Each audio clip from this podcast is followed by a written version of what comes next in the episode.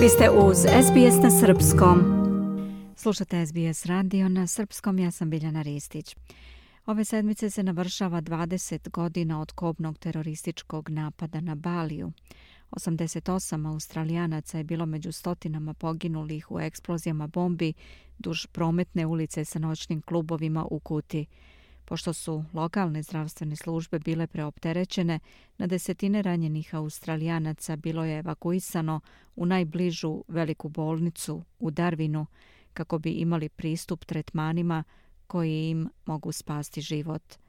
Letiša Lemke izveštava za SBS News o tome kako je mali tim transformisao svoje neakreditovano odeljenje hitne pomoći jedinicu intenzivne nege sa osam kreveta u cilju spašavanja života.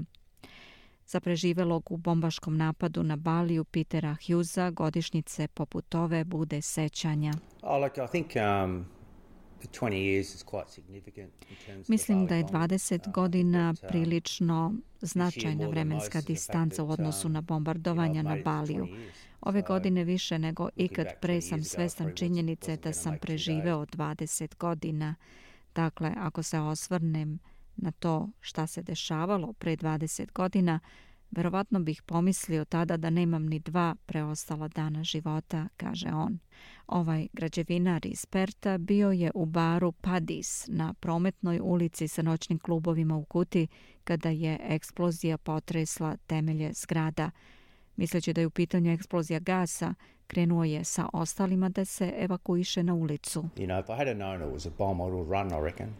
Da sam znao da je to bomba, pobegao bih, pretpostavljam, nakon prve detonacije, ali kada je eksplodirala druga autobomba, više nisam mogao da odem sa tog mesta dovoljno brzo. Kada sam ustao, shvatio sam da imam prilično teško povređenu nogu. Osjećao sam se kao da imam posekotine po čitavom telu. Imao sam nekoliko opekotina, bilo je mnogo požara u toj fazi. Tada 42-godišnji Hughes prebačen je u lokalnu bolnicu sa opekotinama na više od 50 tela i kaže da je bio svestan da će umreti ukoliko ne dobije adekvatnu pomoć. Srećan sam što sam uopšte ovde. Ne uzimam to zdravo za gotovo, razumem to i zato mi je ova godišnjica jako važna. A važno je da ne budu zaboravljeni oni koji se nisu vratili kućama. U prvim bombaškim napadima na Baliju poginule su 202 osobe, na stotine je bilo povređeno. Pošto su lokalne zdravstvene službe bile preplavljene, Ministarstvo odbrane je napravilo plan da evakuiše povređene Australijance u Darwin. Profesor Len Notaras je u to vreme bio na čelu Kraljevske bolnice u Darwinu. Gledajući plan na pačetu papira, pomislio sam, dragi Bože, nećemo valjda to pokušati ovdje da uradimo. Stara kraljevska bolnica u Darwinu je imala vrlo oskudno opremljeno odeljenje za hitne slučajeve, blago rečeno. Dva kreveta za reanimaciju, četiri kreveta za tretiranje opekotina – jedan hirurg opšte prakse koji je mogao da tretira opekotine, ali ipak veliki broj medicinskih sestara opšte medicine koje su bile svestrano trenirane. I ne mogu dovoljno to da naglasim da je ovo mesto bilo put za spasavanje ljudi, kaže on.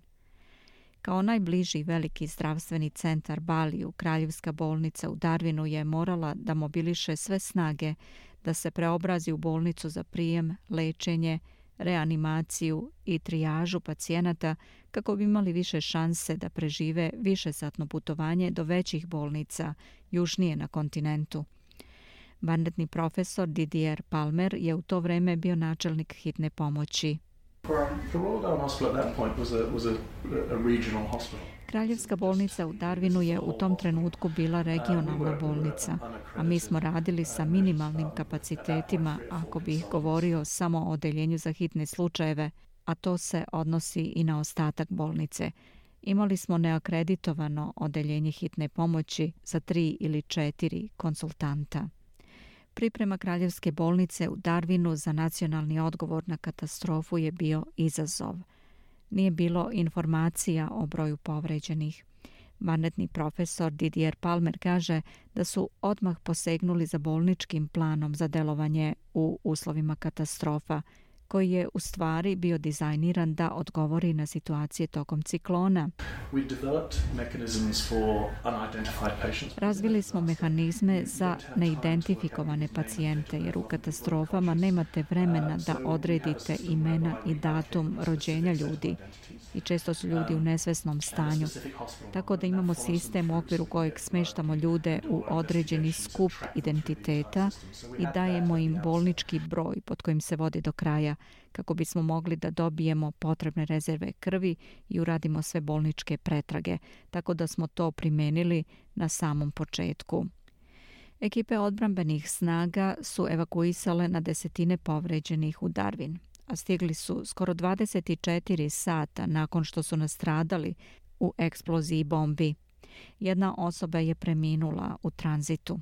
Muškarac sa teškim opekotinama preminuo je na intenzivnoj nezi ubrzo po dolasku. Profesorka Diane Stevens kaže da su svi u prvoj grupi koja je bila prebačena avionom pretrpeli povrede opasne po život. Uh,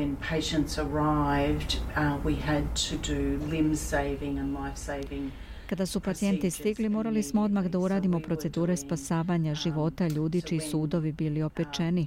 To može da bude propraćeno otocima koji mogu da prekinu dotok krvi u udove. I zato smo morali da radimo operacije na intenzivnoj nezi. Imali smo hirurga za opekotine koji je došao iz Adelaida. On je također operisao na intenzivnoj nezi. Profesorka Stevens je bila šefica bolničke jedinice intenzivne nege sa osam kreveta koja je kasnije proširena na lečenje 20 kritično bolesnih pacijenata. Kao i mnogi, tada je radila 72 sata sve dok pacijenti nisu mogli da budu prebačeni u veće bolnice koje su bliže njihovim domovima. 65 teško povređenih pacijenata u maloj bolnici usred nedođije. Zaista je neverovatno šta smo uradili i to je također bila najopsežnija vazdušno-medicinska evakuacija koja je urađena u istoriji Australije. Profesor Len Notaras, koji je predvodio misiju kao šef kraljevske bolnice Darwin, sada izvršni direktor Nacionalnog centra za negu i traumu, koji se finansira iz federalnih fondova. Osnovan u Darwinu nakon bombardovanja na Bali u 2002. On kaže da je ovaj objekat trajno nasljeđe tog vremena. Svaka osoba koja je evakuisana iz kraljevske bolnice Darwin imala je priliku da preživi. Ipak, možda jeste 20 godina kasnije, ali još uvek ima ljudi koji pate od opekotina, od posttraumatskog stresa, pate također zbog gubitka najmilijih. Spoznaja zbog čega se to dogodilo 20 godina kasnije ne nestaje. Za preživelog Petera Hughesa to je dobra došla investicija. On kaže da je evakuacija od Balija do Darwina spasla život njemu kao i mnoge druge. Ne mogu im dovoljno zahvaliti, kaže on.